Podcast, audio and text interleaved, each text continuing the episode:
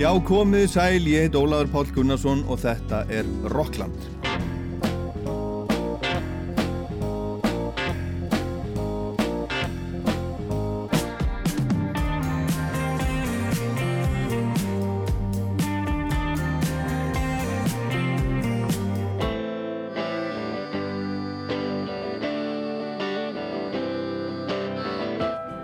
Í Rocklandi dagsins skoðum við tvær nýjar plötur. Í sveitin hlutanum er það nýja platan frá bandarísku hljómsveitinni The War on Drugs. Platan sem er fymta plata sveitarinnar heitir I Don't Live Here Anymore og er alveg stór fín eins og megnaði því sem þessi skemmtilega hljómsveit hefur gert. En í fyrir hlutanum skautu við hratt yfir feril ABBA og heyrum svo nokkur lög af nýju plötunni þeirra, Voyage, sem er fyrsta platan þeirra í 40 ár. Hún kom út 15. november og fór beinustu leið í toppsæti vinsaldalista um allan heim, Breitlandi, Írlandi, Austuríki, Belgíu, Íslandi, Danmörku, Finnlandi, Tjekklandi og svo framvegis. Hún náði hæst í annarsætið í bandarækjónum en engin á gamlu plötunum náði svo hátt á vinsaldalistanum þar. Það eru tíu lög á Voyage plötunni og við skulum byrja bara á að heyra eitt af þeim. Sound of children's laughter. Now it's quiet, so I guess they left the park. This wooden bench is getting harder by the hour. The sun is going down, it's getting dark. I realize I'm cold, the rain begins to pour as I watch the windows on the second floor. The lights are on, it's time to go. It's time at last to let him know.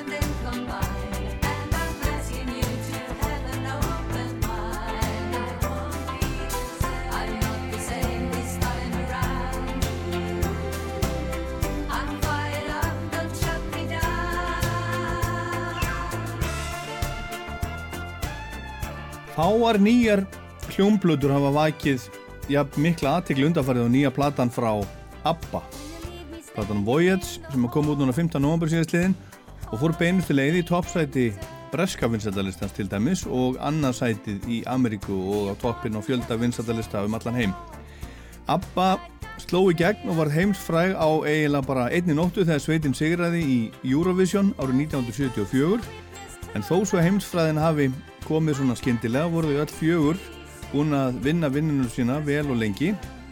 Þau Agneta Feldskó Anni Fríd Lingstad Benny Andersson og Björn Ulveðs þau voru öll búin að vera fást við músik lengi en mislengi. Anni Fríd og, og Benny eruðu svo par, kærustu par árið 1969 og giftu sig svo.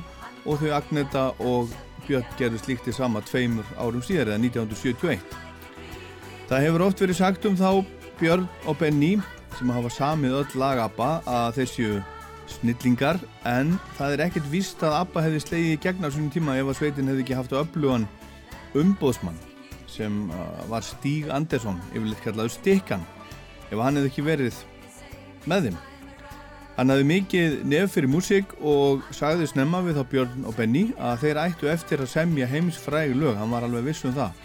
En þeir hlóðun og bara að honum fannst hugmyndin algjörlega fráleitt En fyrstu merkin um fræð utan svíþjóðar pönguð upp á hjáðum strax ára 1972.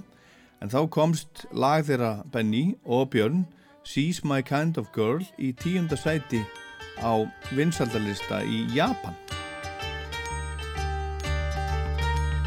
Look at her face, it's a wonderful face and it means something special to me she smiles when she sees me. How lucky can one fellow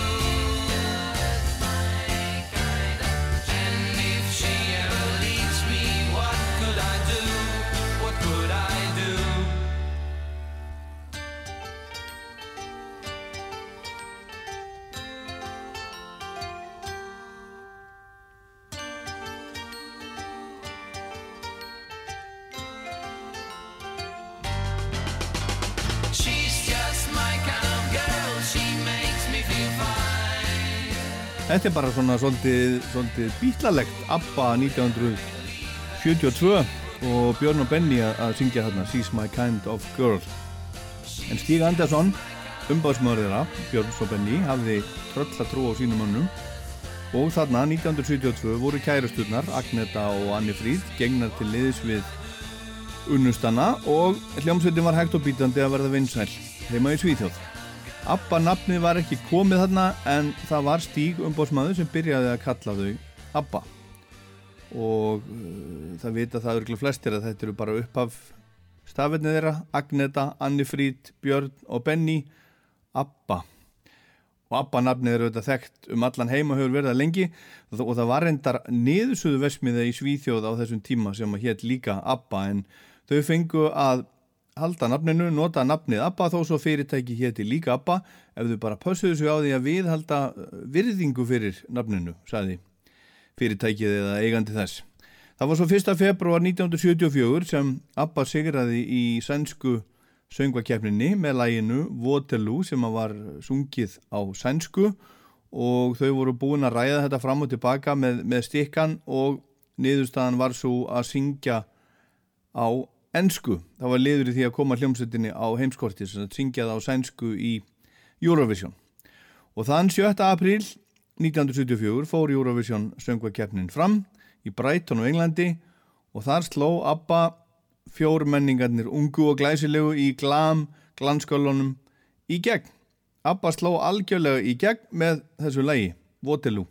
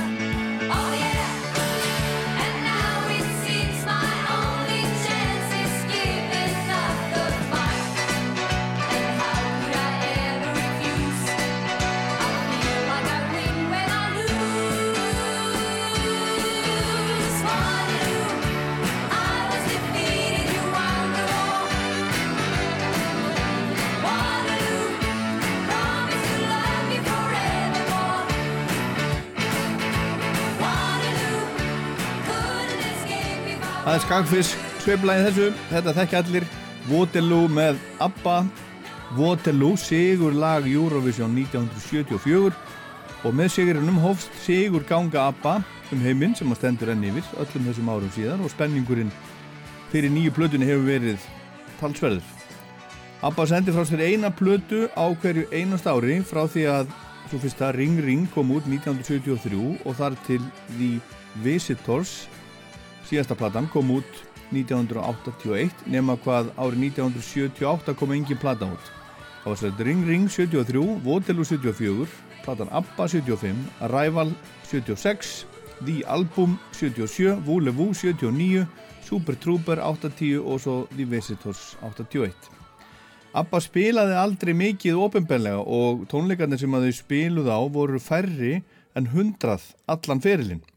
En Þau voru frumkvölar í gerð tónlistamindbanda sem að ítti vel undir stjórnudýrkunina og sér í lagi voru það stelpur sem að hlustuðu á ABBA á sínum tíma, vildu, vildu líka steim og, og horfðu á myndböndin þegar það var, það var hægt, það var náttúrulega ekkit YouTube en þetta var stundum sínt í sjónvarpi og, og svo leiðis og og svo voru plakkötu þetta af ABBA í unglingatímaritum út um allt og svona. Strákarnir hlustuðu þetta líka á ABBA aðeins en það var meira svona í laumi. Og ABBA hefur selgt í dag meira en 400 miljónir platna. Það eru bara bítlarnir sem hafa selgt fleiri plötur, pæli í því. Það er alveg með ólíkindum. Og, og uh, til dæmis um, um vinsældir ABBA þá kom út samplatan ABBA Gold á diski 1992 og hún var í 19 ár stanslöst á breska vinsældaristan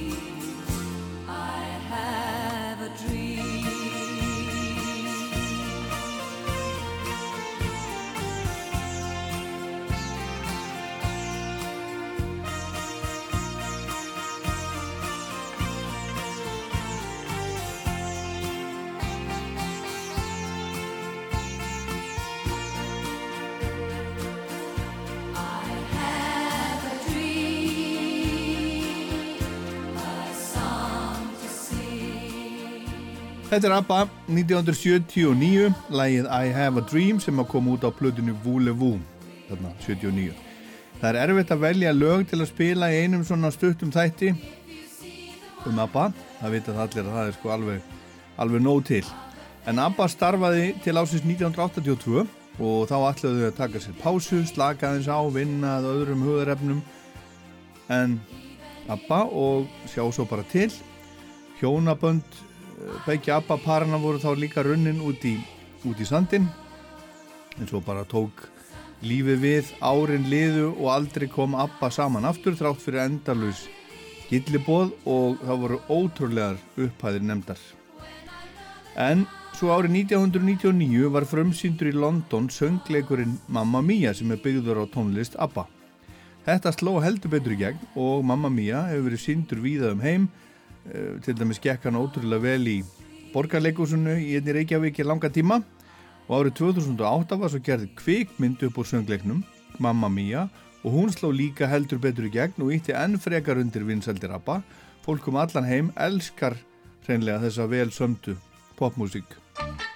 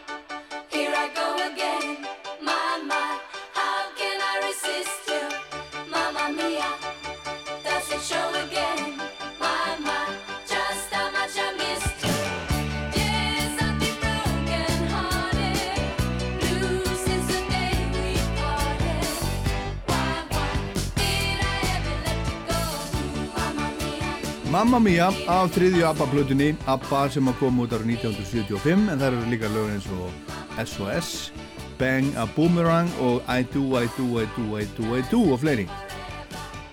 En eins og ég sagði á þann þá hefur ABBA endalust fengið bóð á undanfjöldnum árum áratugum um að koma saman aftur og gríðarlegar peninga upphæðinendar alveg rosalegir peningar og þau sögðu í rauninni aldrei alveg nei fyrir en Agneta sagði nei í viðtæli árið 2013 þá sagði hann að þau væru bara orðin og gömul.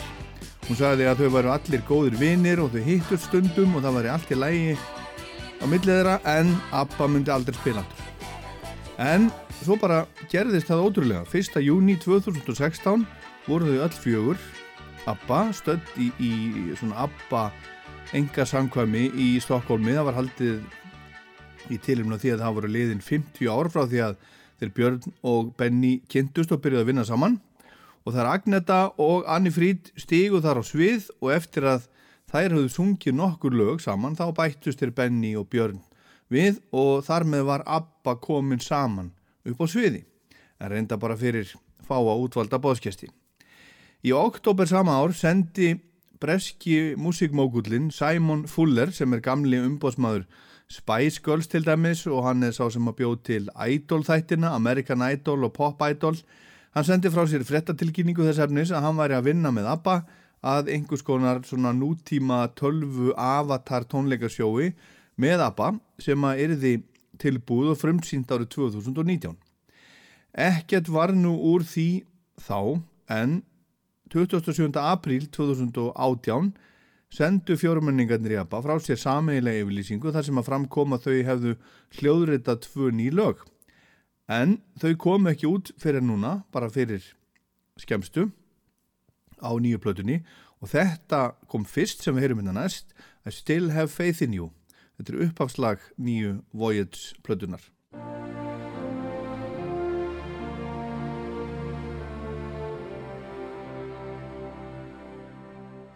Still have faith in you. I see it now. Through all these years, that faith lives on.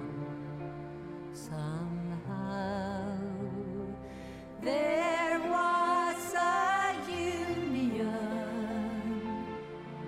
of heart and mind the likes of which are rare and oh so hard to find. Do I have it in me? I believe it is in there. For I know I hear a bittersweet song in the memories we share. I still have faith in you, and I will say, I never really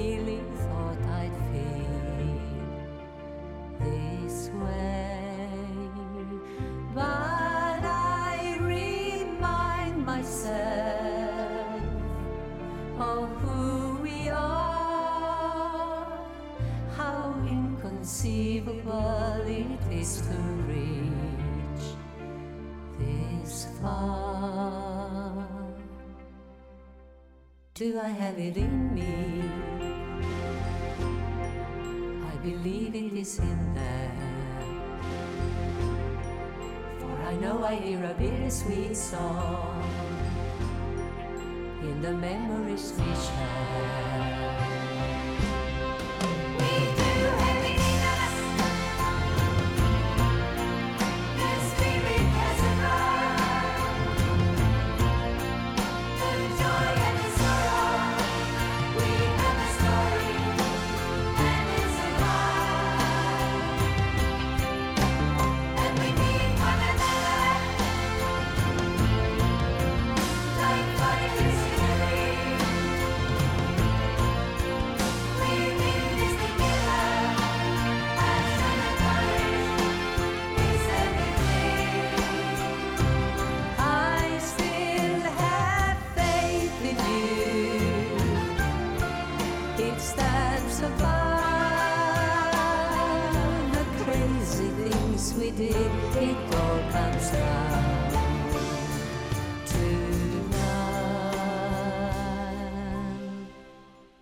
I have it in me? I believe it is in there. For I know I hear a bittersweet song in the memories we share. Do I have it in me?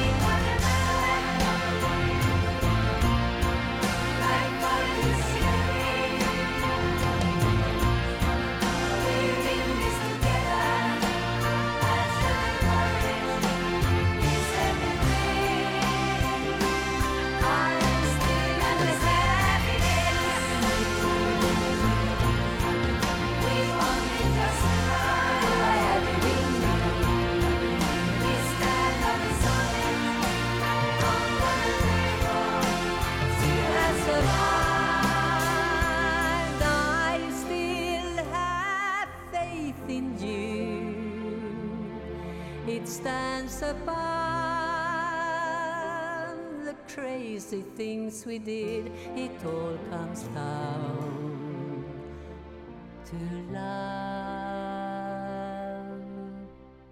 Do I have it in me?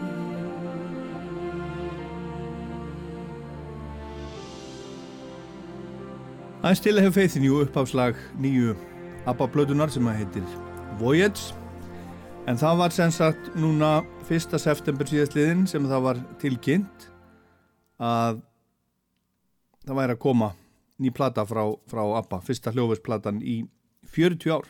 Og þetta var gert með miklum látum, það var e, líka sagt frá því við samantækifæri að það var verið að byggja ABBA höll í London. Þetta var, þetta var uh, bladamannafundur út í London, Zoe Ball talaði við þá Björn og Benny og svo voru svona ABBA party hér og þar um, hér, um heiminn, það var til dæmis hérna í Skylagoon í Reykjavík og það var í Svíþjóð og það var svona hér og þar en Svana Gísladóttir frá Akranesi hefur verið að vinna með ABBA þessu verkefni undan farin ár og hefur verið með í öllu ferlinu, plötu upptökunum og smíði hallarinnar í London til dæmis og hún sagði okkur sjálf frá þessu í Rocklandi þegar þetta var að gerast um daginn.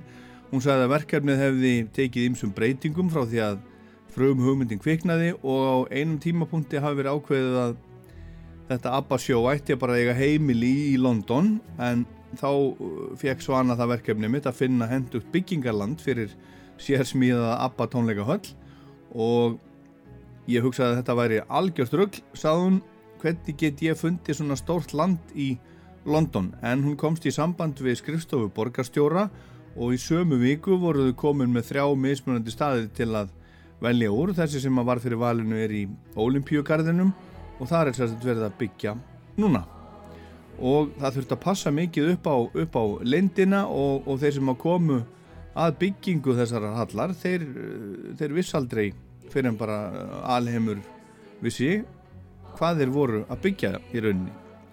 Meðlimir ABBA hafa svo verið í stífum tökum þar sem hver einasta hreyfing þeirra er kvikmynduð til þess að búa til nákvæmar stafrænar útgáðar á þeim eins, eins, eins nákvæmar og mögulegt er og Svana sagði í Rokklandi að áhorfundum eigi eftir að líða alveg eins og þeir séu bara á tónleikum með ABBA. Þetta er þriðja vítin, þetta er stafræna vítin, svo ertu með líkamlegu vítina sem er fólkið á gólfinu.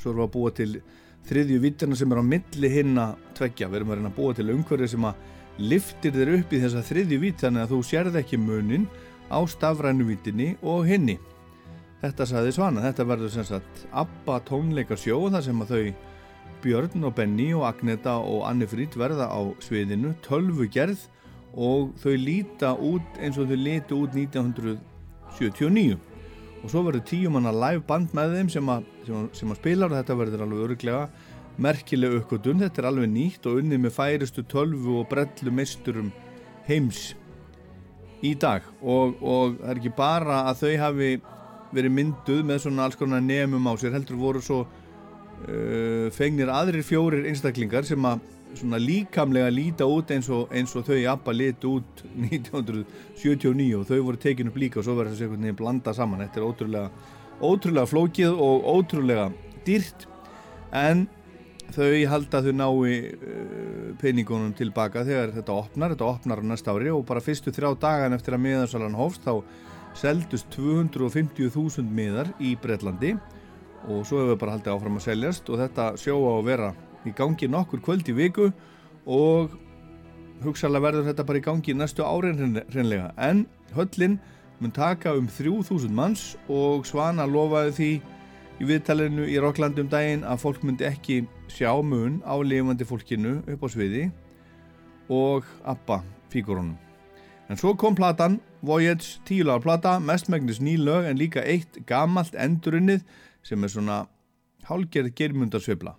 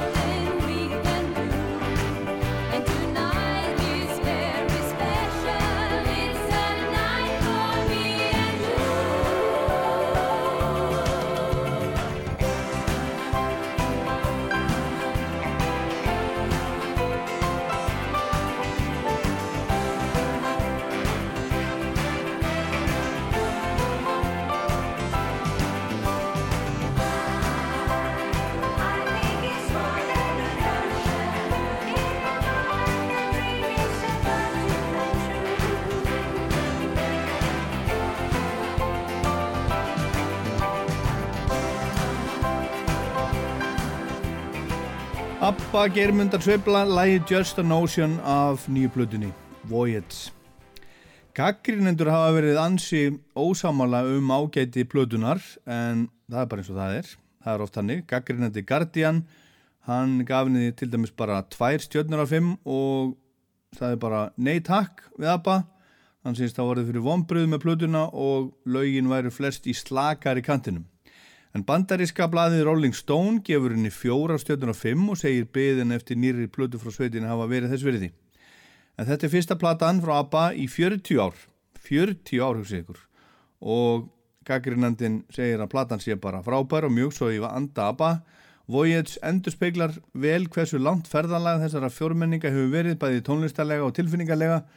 Það er engin vandraðileg tilrönd til að reyna að skapa nútímalega tónlist eins og krakkarnir í dagar að gera Í stað þess að eldastu tískuna haldaðu sig við hinn klassíska tón sem þau fullkomnuðu fyrir öllum þessum árum, tónin sem hefur gefið poptónlistinni svo mikið.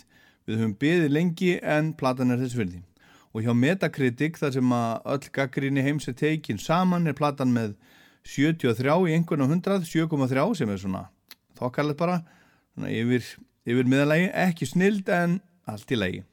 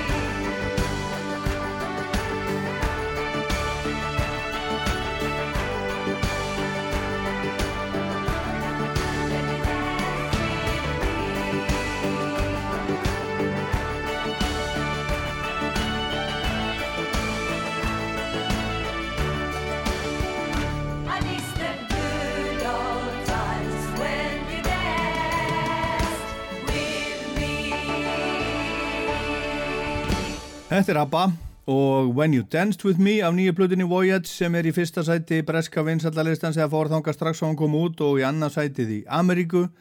Þetta er svona ABBA-legt lag, svolítið þjóðlegt, keltnesk áhrifarna eða kannski bara sænst vísna pop en grunnur ABBA liggur jú í þjóðlagatónlist. Og platan fór líka á toppin á vinsallalistum í til dæmis Sviss, Svíþjóðasjálfsöðu Skotlandi, Portugal, Írlandi, Íslandi, Þískalandi, Fraklandi, Tjekklandi, Danmörku og svo framvegs. Og ég fekk einn mesta ABBA-mann landsins til að senda okkur stuttan ABBA-pistil um nýjuplötuna.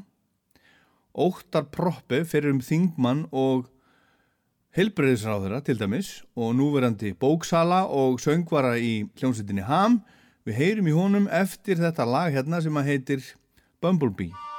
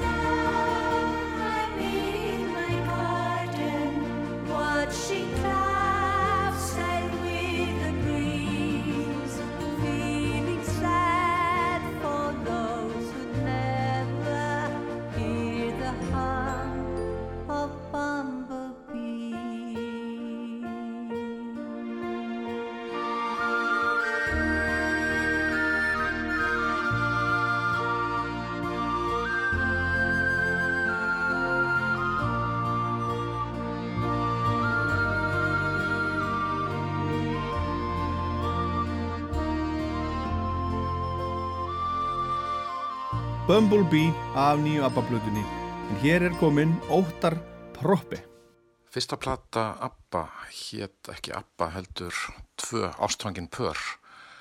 Og það sem var alltaf svo hillandi við ABBA var að þau voru svo einlæg og töff. Ekki voru þau bara frábærir lagasmiðir og uh, með fullkomi nef fyrir popmelodíum stelpunar með þessar æðislugur rattir sem að uh, passuðu svona saman eins og flýsver ass og þau voru hæfilega hallarisleg til þess að við gjátum samsvarað okkur með þeim.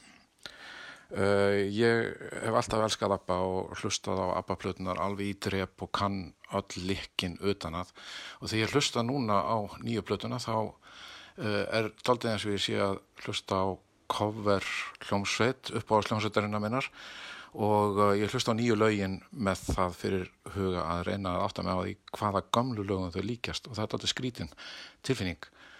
Að því að tónlistin er í grunninn uh, fegurst lista af því að hún nær bynt inn í tögakerfið, hún er tilfinningarleg uh, fyrir uh, hlustandan og tilfinningarnar þegar ég hlusta á nýju abbalblötuna eru allt of rugglingslega til þess að ég átti mig á því hvort að músíkin er góð eða vond. Sumlaugin eru augljóslega mjög skemmtileg og fín og ef þau væru ekki með hljómsveitinni ABBA heldur einhverjum öðrum þá myndum maður hugsa að þetta er frábært lag, þetta minnum við aldrei á ABBA. En af því þetta er ABBA þá hugsa maður ósarátt, já þetta er ekki eins og gamla lagi með ABBA. Þetta er alltaf sérstækt uh, ég uh, heyrði þegar ég var krakki í, í söngvara sem ég var stálega frábær og uh, fannst hann bara bestur söngvar í heimi en síðan dóan og ég saknaði Elvis Presley mjög mikið. Það var ekki fyrir, lungu setna að ég heyrði lögin sem hann söng áður en að uh, koma nýðulenga tímabilinu í loka æfans en þau lög eru enþá frábær í mínum huga af því að ég heyrði þau fyrst. Þannig að uh, þegar maður er að velta fyrir þessi nýju ABBA-plötunni þá er kannski best að sjá til hvað þau sem er að heyra fyrsta ABBA-lagi sitt í dag segja eftir svona 30-40 ár. Já, við þakkum óttar í proppi fyrir það kærlega og heyrum næst eitt af lögunum á blöðunni til viðbútar Jólalægið á blöðunni það er jólalægunni, það heitir Little Things og það var alveg öruglega eftir að lifa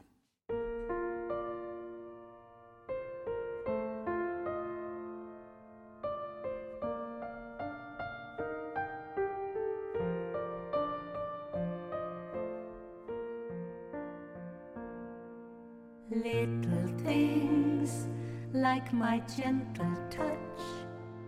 It's amazing, darling, that so little can achieve so much. Little things like your sleepy smile. As a brand new day is dawning, it's a lovely Christmas morning, and why don't we stay in bed for a while? Soon enough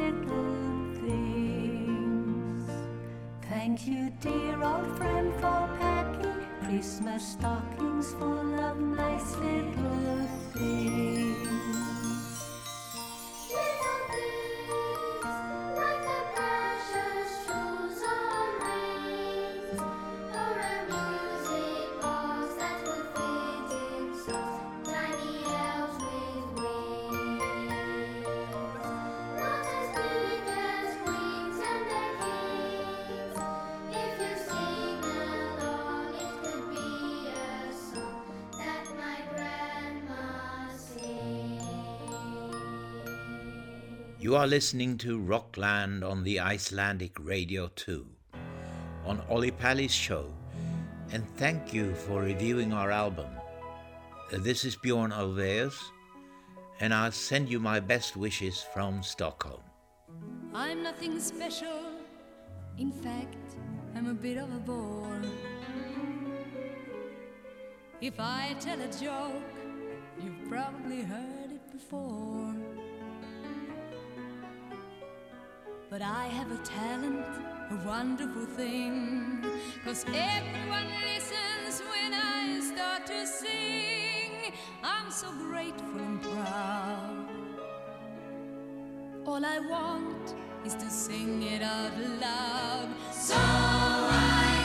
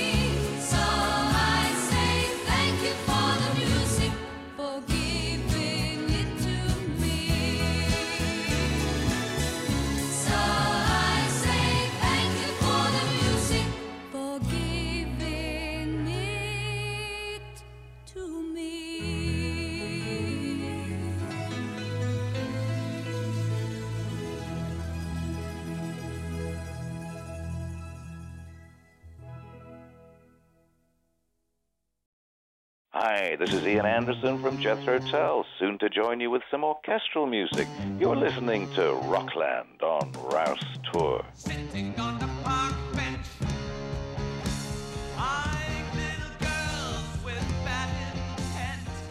Já, þetta er Rockland á Rástvö, ég heiti Ólaður Pál Gunnarsson og við þökkum Abba fyrir sitt framlag og Byrni Úlveus og Svönu Gísladóttur fyrir fallega hveðju frá Stokkólmi Abba hverju en nú skiptum við um gýr og heyrum í hljómsveitinni The War on Drugs og uppháslag nýju plötunar þeirra I Don't Live Here Anymore. Við ætlum að, ætlum að skoða hana eins og sögu þessar flotti hljómsveitar. Lægið heitir Living Proof.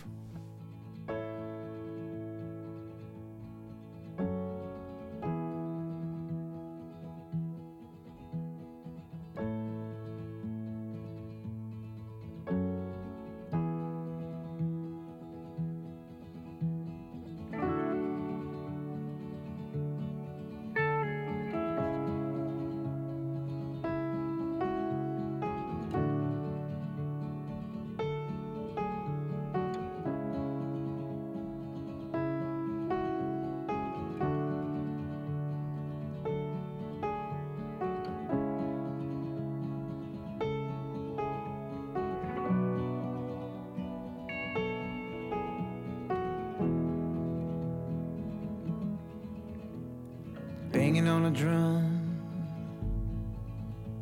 You turn me loose.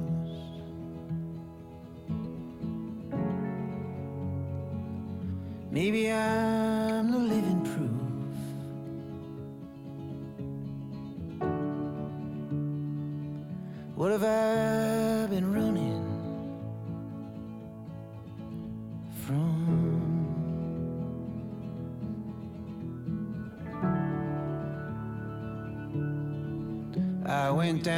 corner.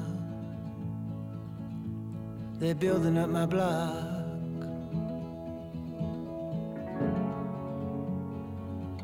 Maybe I've been gone too long. I can't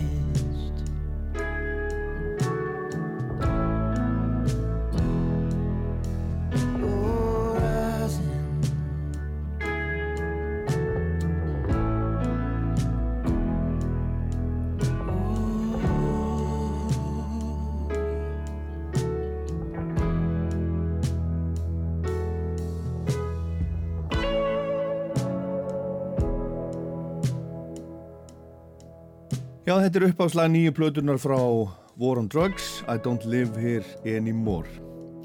War on Drugs er rockband frá Philadelphia sem hefur hægt og sígandi verið að skipa sér á bekk með bestu rockbandum heims á undanfjöldum árum. Þetta eru engin gamevísindi sem War on Drugs ástunda, þetta er bara gamaldags pop-rock, minnir á köplum á Dire Straits og Bruce Springsteen eins og hann hljómaði á nýjund áratögnum, Born in the USA Springsteen En saman við þetta er svo blandað slatta af söngstíl Bob Dylan, gítarleik Neil Young kannski og svo er hært saman við þetta smá, smá ambient og síru, einhvern veginn svoleiðis hljómar War on Drugs að minnstakosti fyrir mér. Þessi hljómsveit er búin að vera starfandi síðan árið 2005 og einhverja mannabreitingar hafa orðið á þessum 16 árum og mest munar hugsanlega um gítarleikaran og söngvaran Kurt Weill sem að saði skili við sveitina skömmu eftir að fyrsta platan, Wagon Wheel Blues, kom út árið 2008. En þá voru þeir Kurt Weill og fóringi Drugs, hinn 42 ára gamli Adam Grandusiel, sem er aða lagasmiður sveitarnar, söngver og gítarleikari, sem stopnuðu Drugs. Adam var þá 26 ára. Adam er reyndar frá Oakland í Kaliforníu en yfirgaf sólskinni þar og flutti til Philadelphia þar sem hann kynntist Kurt Weill sem var þá nýlega fluttur heim aftur frá Boston þar sem hann hafði þá búið í tvö ár. Og þeir byrjuði að spila saman og semja saman lög, náðum vel saman voru báðir með svona hálf sjúklega dellu fyrir Bob Dylan og það atvikaði stela þannig að var þannig að Adam spilaði með hljómsveitin hans Kurt Weill sem að heitir Violators og Kurt spilaði svo með hljómsveitin hans Adam, War on Drugs. Þannig hefur Kurt Weill að minnst ekki sagt söguna En Kurt og Adam mynduðu þarna til að byrja með bakbeinið í bandinu og ýmsir komu við sögu áður en sveitin var full mönnuð svo. En allavega, War on Drugs var til 2005 og fyrstu lögin. og það fyrsta sem að kom út var EP-plata 2007 og svo kom fyrsta stóra platan 2008 og hann heitir Wagon Wheel Blues og þar strax er tónnin svolítið gefin og hún byrja svona þessi plata á lagi sem heitir Arms Like Boulders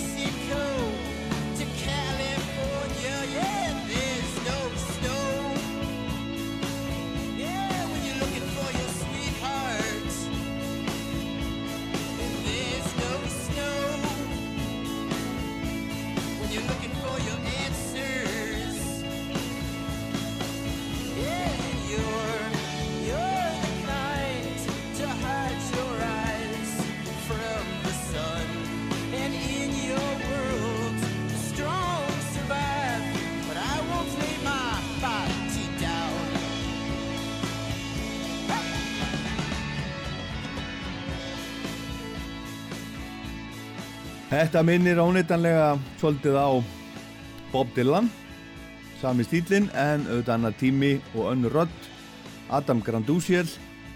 Dylan sendi frá sér 19. plötunum sína, Slow Train Coming, árið sem Adam Grandusiel fættist. Og þarna á þessum tíma var Kurt Weill líka í War on Drugs og, og hann er alveg eins og Adam, einn af, af fjölmörgum lærisveinum Dylans og Neil Young til dæmis. En eftir að hljómsveitin hafði fyllt þessari fyrstu plötu eftir, meðal annars með tónleikaferðum Evrópu, ákvað Kurt Weill að yfirgefa partíð og setja fókusinn á sjálfan sig og sína eigin músík. Hann vildi fá að skína almennilega sjálfur, standa eða falla með sínum eigin lögum og það hefur hann gert. Honum hefur gengið vel líka en kannski ekki alveg eins vel og War on Drugs. Eftir þessa fyrstu plötu og fyrsta túr War on Drugs, urðu mannabreitingar Kurt Weill sem sagt fór og tveir aðrir líka. Og Adam og gítarleikarin Dave Hartley urðu tveir eftir en þeir fengu svo til þess við sig trommaran úr hljómsveitinans Kurt Weill Mike Sangi og hann var með á næstu plötu í flestum lagana minnstakosti en hætti áður hún kom út. Eða Adam vildi fá, fá annan trommara í hljómsveitina. Hann passaði ekki bandis á hann hann góðu félagi og skemmtilegu náungi duglegur og til í að túra en trommuleikarin passaði Adam ekki, ekki inn í hans sín, svona eins og hann he heyrði lögin sín. Og það er ekki hægt að segja að þetta hafi skipt svo miklu máli. War on Drugs var ekki vinsæl hljómsveit og seldi ekki mikið af blötum eða marga miða á tónleika á þessum tíma en Adam var alvara með því sem hann var að gera og þetta varð að vera allt saman hár rétt Önnur plata War on Drugs heitir Slave Ambient kom úr 2010 og hún vakti dálitlega aðtegli þetta, þetta fjall í góðan jarðveg hjá músikpressunni að minnstu kosti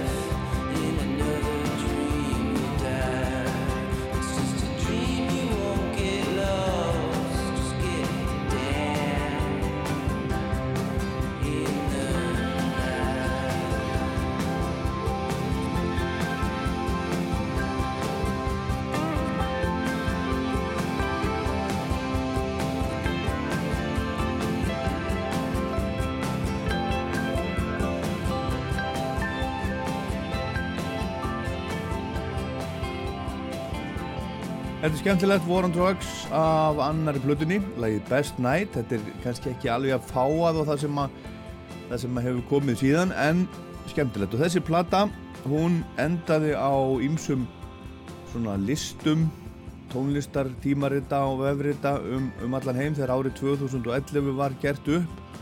Hún lendi til dæmis í tíundasæti hjá Uncut Mojo settana í 21. sæti og Pitchfork í sæti 39 og í þessu lagi spilar Kurt Weill með Adam gamla vinnu sínum. Hann spilar í tveimur lögum á þessari plötu.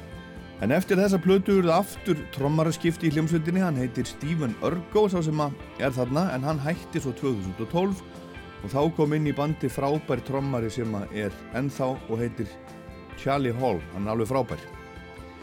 En fyrir sex árum Í mars 2014 urðu vatnaskil hjá War on Drugs, þá kom út platan Lost in the Dream, algjörlega frábær plata, eina mínum upp á halds plötum bara í heiminum. Við skulum heyra eitt lag af henni, þetta er eina af þeim plötu sem ég hef bara hlusta hvað mest á á æfinni. Heyrum lag af henni sem heitir Eyes to the Wind.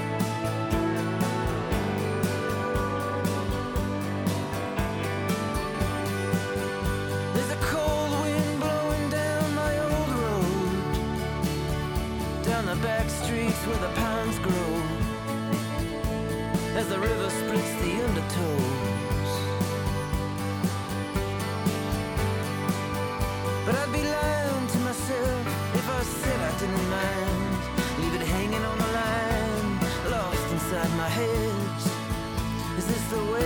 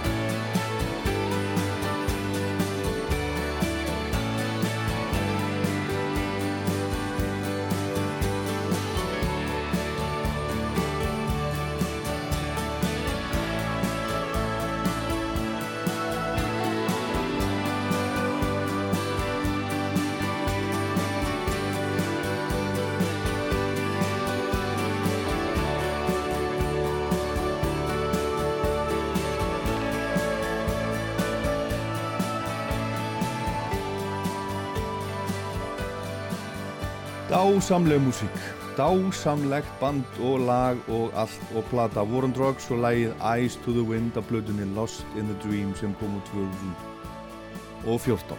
Mér finnst þetta gjöfsamlega bara frábær músík.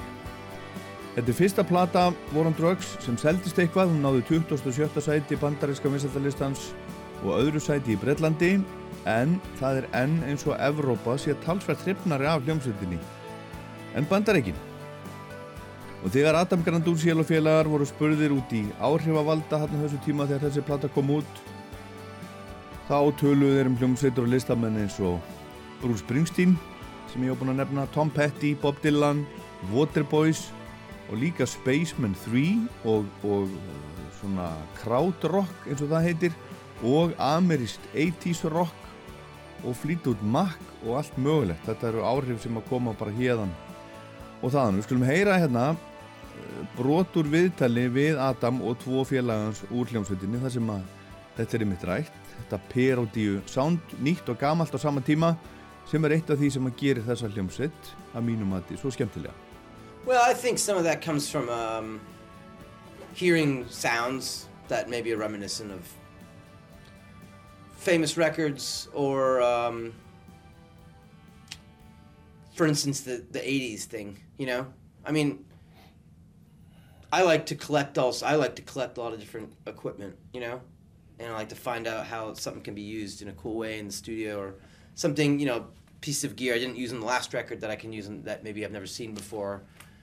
And then they kind of you end up getting a sound from them that that you really like that you're like drawn to after some experimentation, and maybe what you're drawn to is a little bit of nostalgia from something that you once liked, but then it's been changed through your own process of learning how to record and produce and, and get the sounds you like. Um, but I think that um, I like the way records sound from the, the 40s all the way through yesterday, you know, and sounds used on those records and touchstones from certain some of my favorite records. Um, you know, like something like Springsteen probably has my two favorite snare sounds: the super dry one, and then the super the super huge one. You know, and those are just things that when I listen to music, I hear those things. You know, um, or at least I started to hear those things in the last like nine or ten years, when I got a lot more serious about like recording music instead of just playing it all the time. Um, but you know, I guess just a lot of my favorite songwriters and our favorite bands are are kind of um, maybe staples of certain eras, you know.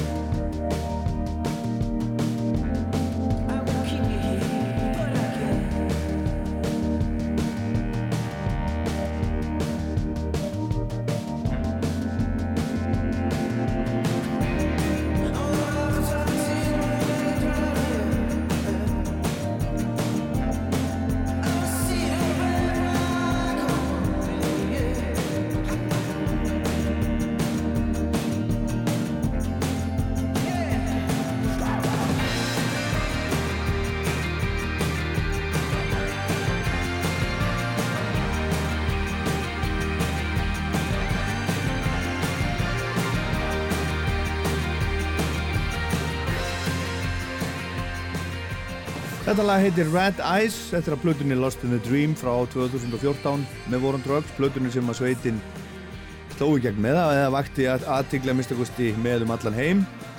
Smá 80s Springsteen í þessu og ímestlega fleira og hann Adam Grandúsier. Bóringin í bandinu heitir reyndar Adam Granovski. Hann var hérna áðan að tala um þessi sound sem hann fílar og notar til að gera tónlistana sína að því sem hún er. Hann er mikill músikgrúskari, hlustar mikið og sapnar alls konar græjum og, og gýr frá ýmsum tímum.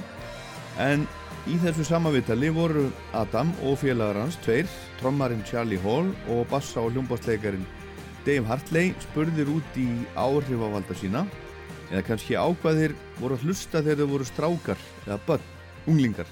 Adam var 11 ára þegar Nevermind með Nirvana kom út, svo dæmis í tekið og þeir eru allir á svipuðum aldri þessir náungar. Um, I listened to personally uh, stuff my mom was into, not so much my dad, only because he was a lot older than my mom. But my mom was into Roy Orbison, and she was into George Harrison, and then I kind of got into rock music to my older brother, stuff like REM and um, Hendrix and Neil Young, stuff like that. And then kind of, I think the first discovery I made on my own, maybe that I felt cool about, was Spaceman 3 when I was like 15. That was the first thing that I heard somewhere that I no one had played for me, you know, or tape I hadn't bought or, or uh, borrowed or something.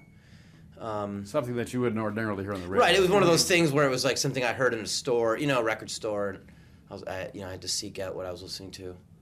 Um, how about you guys? Yeah. Um, I mean, I'm the product of an older brother, you know. So Right. it's like Zeppelin. I grew up on you know the Stones, Zeppelin, and the Who, and then you know a lot of Fleetwood Mac, and then I sort of Miles Davis was my like thing I found on my own, you know, Right. like electric, like Bitches Brew, sort of Miles Davis sort of thing, and then went from there. A lot of Simon and Garfunkel in my house. Oh, yeah. Yeah. That was kind of the soundtrack Definitely- of my definitely. upbringing. Sergeant Pepper and Simon and Garfunkel, and then I think Nirvana Incesticide was like There my, or maybe Bleach, one of the Nirvana records. But I feel like we have sort of a shared vocabulary of kind of classic rock. You know what I mean? Mhm. There's a lot of like Floyd. Charlie's into like smooth rock, you know, and then like I have like rock. I'm into like ELO and like Adam's into you know like the more fragmented stuff probably, but then there's like this giant overlap of the Venn diagram, which is like pretty much the, the classics, you know.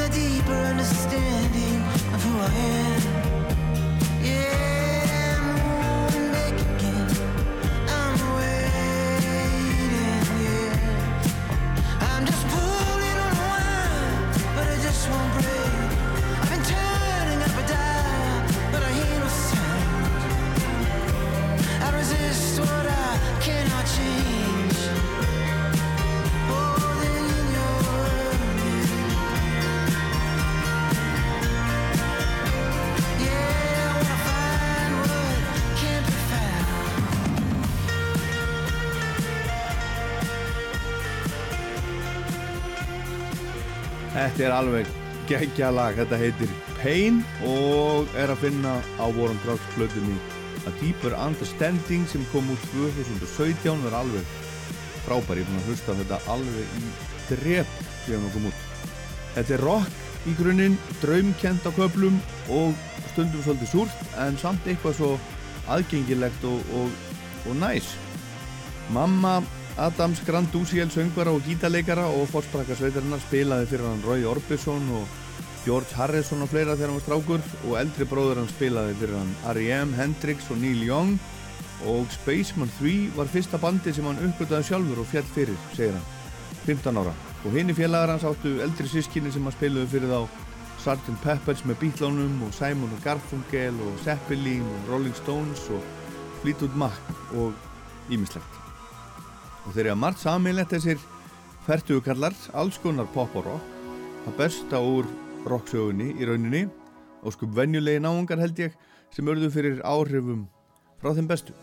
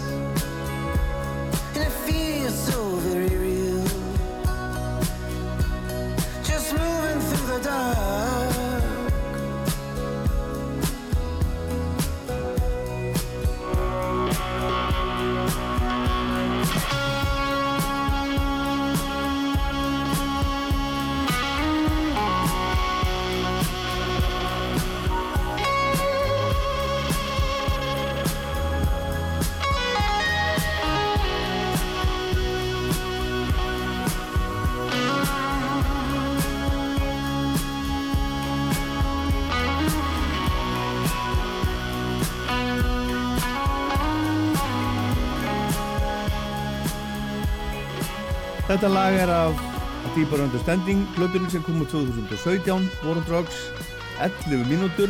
Við heyrum það ekki allt í dag en það er skemmtilegt finnst mér allar uh, þessar rúmu 11 mínútur. En þetta er fyrsta lagið af plötunni sem kom út, þetta kom út á Vínil á plötubúðardaginn 2017 en platan hlaut svo Grammy velun í flokknum rockplata ársins. Þetta er gamaldags hljómsveit hér er allt samkvæmt hefðinni, enginn að velta fyrir sér. Hvort þetta sé í takt við tíman, tíðarandan eða tískuna, hér gera menn bara nákvæmlega það sem að þá langar til. Og War on Drugs er ekki parturinn einni senu, Adam Grandusiel segist hvorki sjá sig sem indie eða mainstream. Og það sem keira hann áfram er þessi vonum að það sé mögulegt að feta í fótspor manna eins og Bruce Springsteen og Neil Young en það sem hefur einkjent þá er að þeir hafa haldið alltaf sínu striki, gert sitt án þess að tíska eða tíðarandi hafi haft svo mikil áhrif á verkin þó að það séu auðvitað undantekningar frá því hjá þeim báðum. En í viðtali við Uncut árið 2017 sagði Adam Grandusiel Ég líti einfalla á mig sem heppinánga sem reynir að halda sér uppteknum og í vinnu flesta daga. Bandið er að stækka, það eru ekki áhugi á War on Drugs um allan heim, bandið spila mikið og fyrir sífælt fleiri.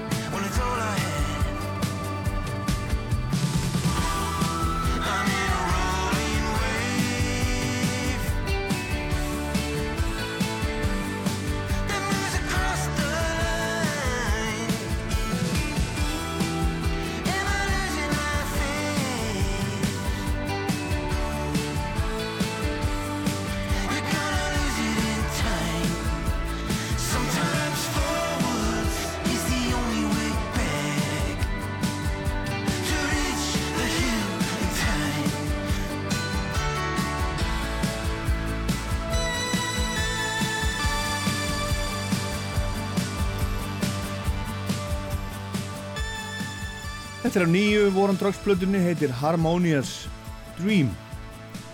En frá því að sveitin lauk við að fylgja eftir síðustu plötu þar á undan, A Deeper Understanding og þar til nýja platana, I Don't Live Here Anymore, kom út núna í loka oktober, hefur margt gerst. COVID skall auðvitað á okkur öllum og Adam Grandusiel var faðir í fyrsta sinn. Adam hefur sagt að nýja platan sé mesta hljómsveitarplata War on Drugs og þetta er plata sem er búið að liggja yfir. Þetta er mikið pródúserað eins og það er kallað og allt fullt af skemmtilegum smáatriðum ef maður nennir að hlusta til þeim. Og bandið er alveg frábært. Þetta er rockband í grunninn eins og ég sagt en stundum heyrist til dæmis engin gítar í lögunum þeirra heldur bara trommuheilar og hljómborð og svo framvegis.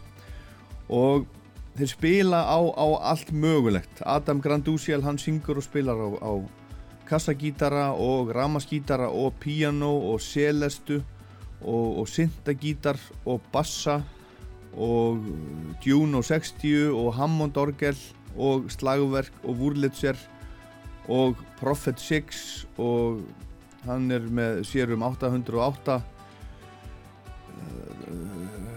hvað heitir trommuheilin 808 eitthvað.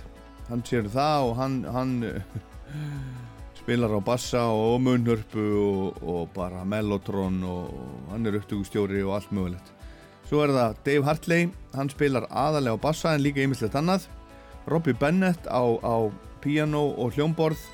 Charlie Hall á trommur og slagverk og líka smá piano og Anthony Lamarca hann spilar á, á trommur smávegis og svolítið á Hammond og slagverk og pedalstíl og John Natchez hann spilar á hljómborð og baritón-saxofón og Hammond-orgel og, og Wurlitzer og þetta er svona, þeir eru spila á allt mögulegt og hljóðheimurinn er, er gríðarlega svona umfangsmikill. Og við skulum að heyra meira, hér er lag sem að hljómar ansi mikið. 80s, 80s soft rock. Og hér minnist Adam á Bob Dylan. We went to see Bob Dylan, we danced to Desolation Row. But I don't live here anymore and I've got no place to go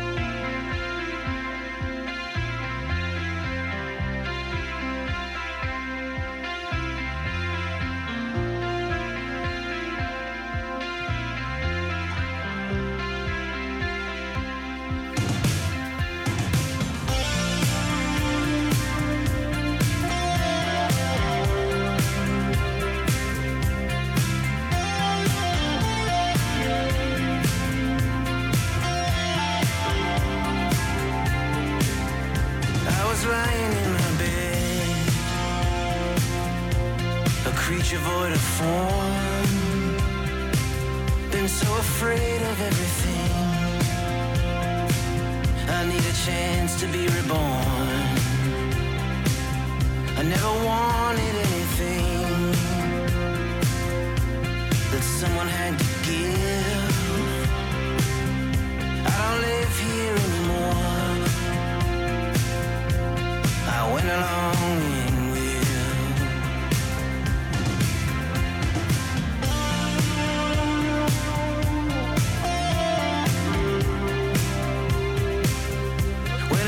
About the old days, babe. You're always on my mind. I know it ain't like I remember. I guess my memories run wild. Like when we went to see Bob Dylan. We danced to Desolation Road But I don't live here anymore But I got no place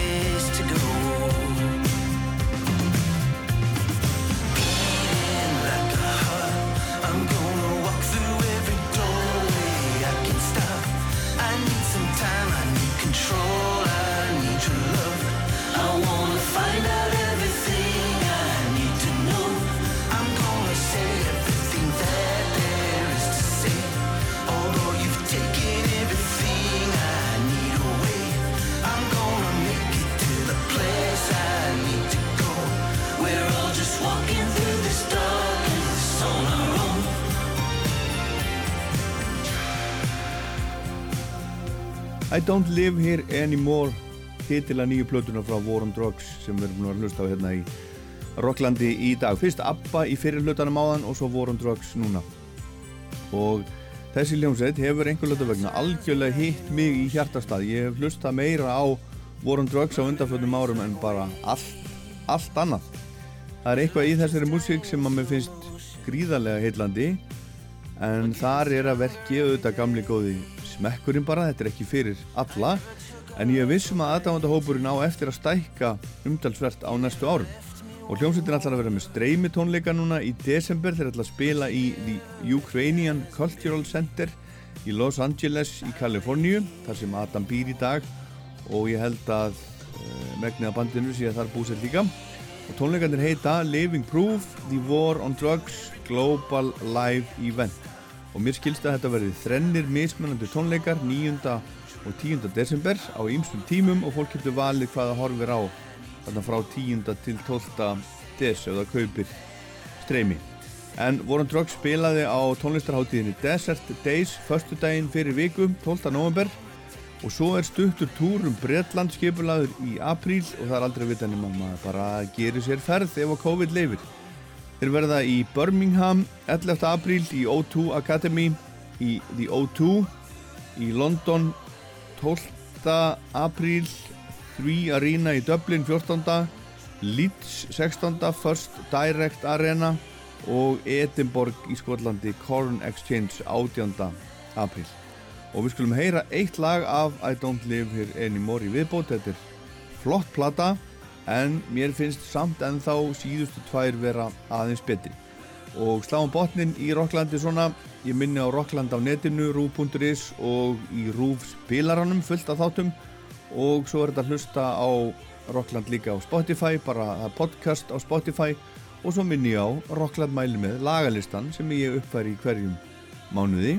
Og þið getið fyllt og, og fengið þannig 39 lög í hverju mánuði til að hlusta á sem að ég vel ef þið hafið áhuga á því þar að segja. En ég heit Ólafur Páll Gunnarsson. Þetta var Rockland takk fyrir að hlusta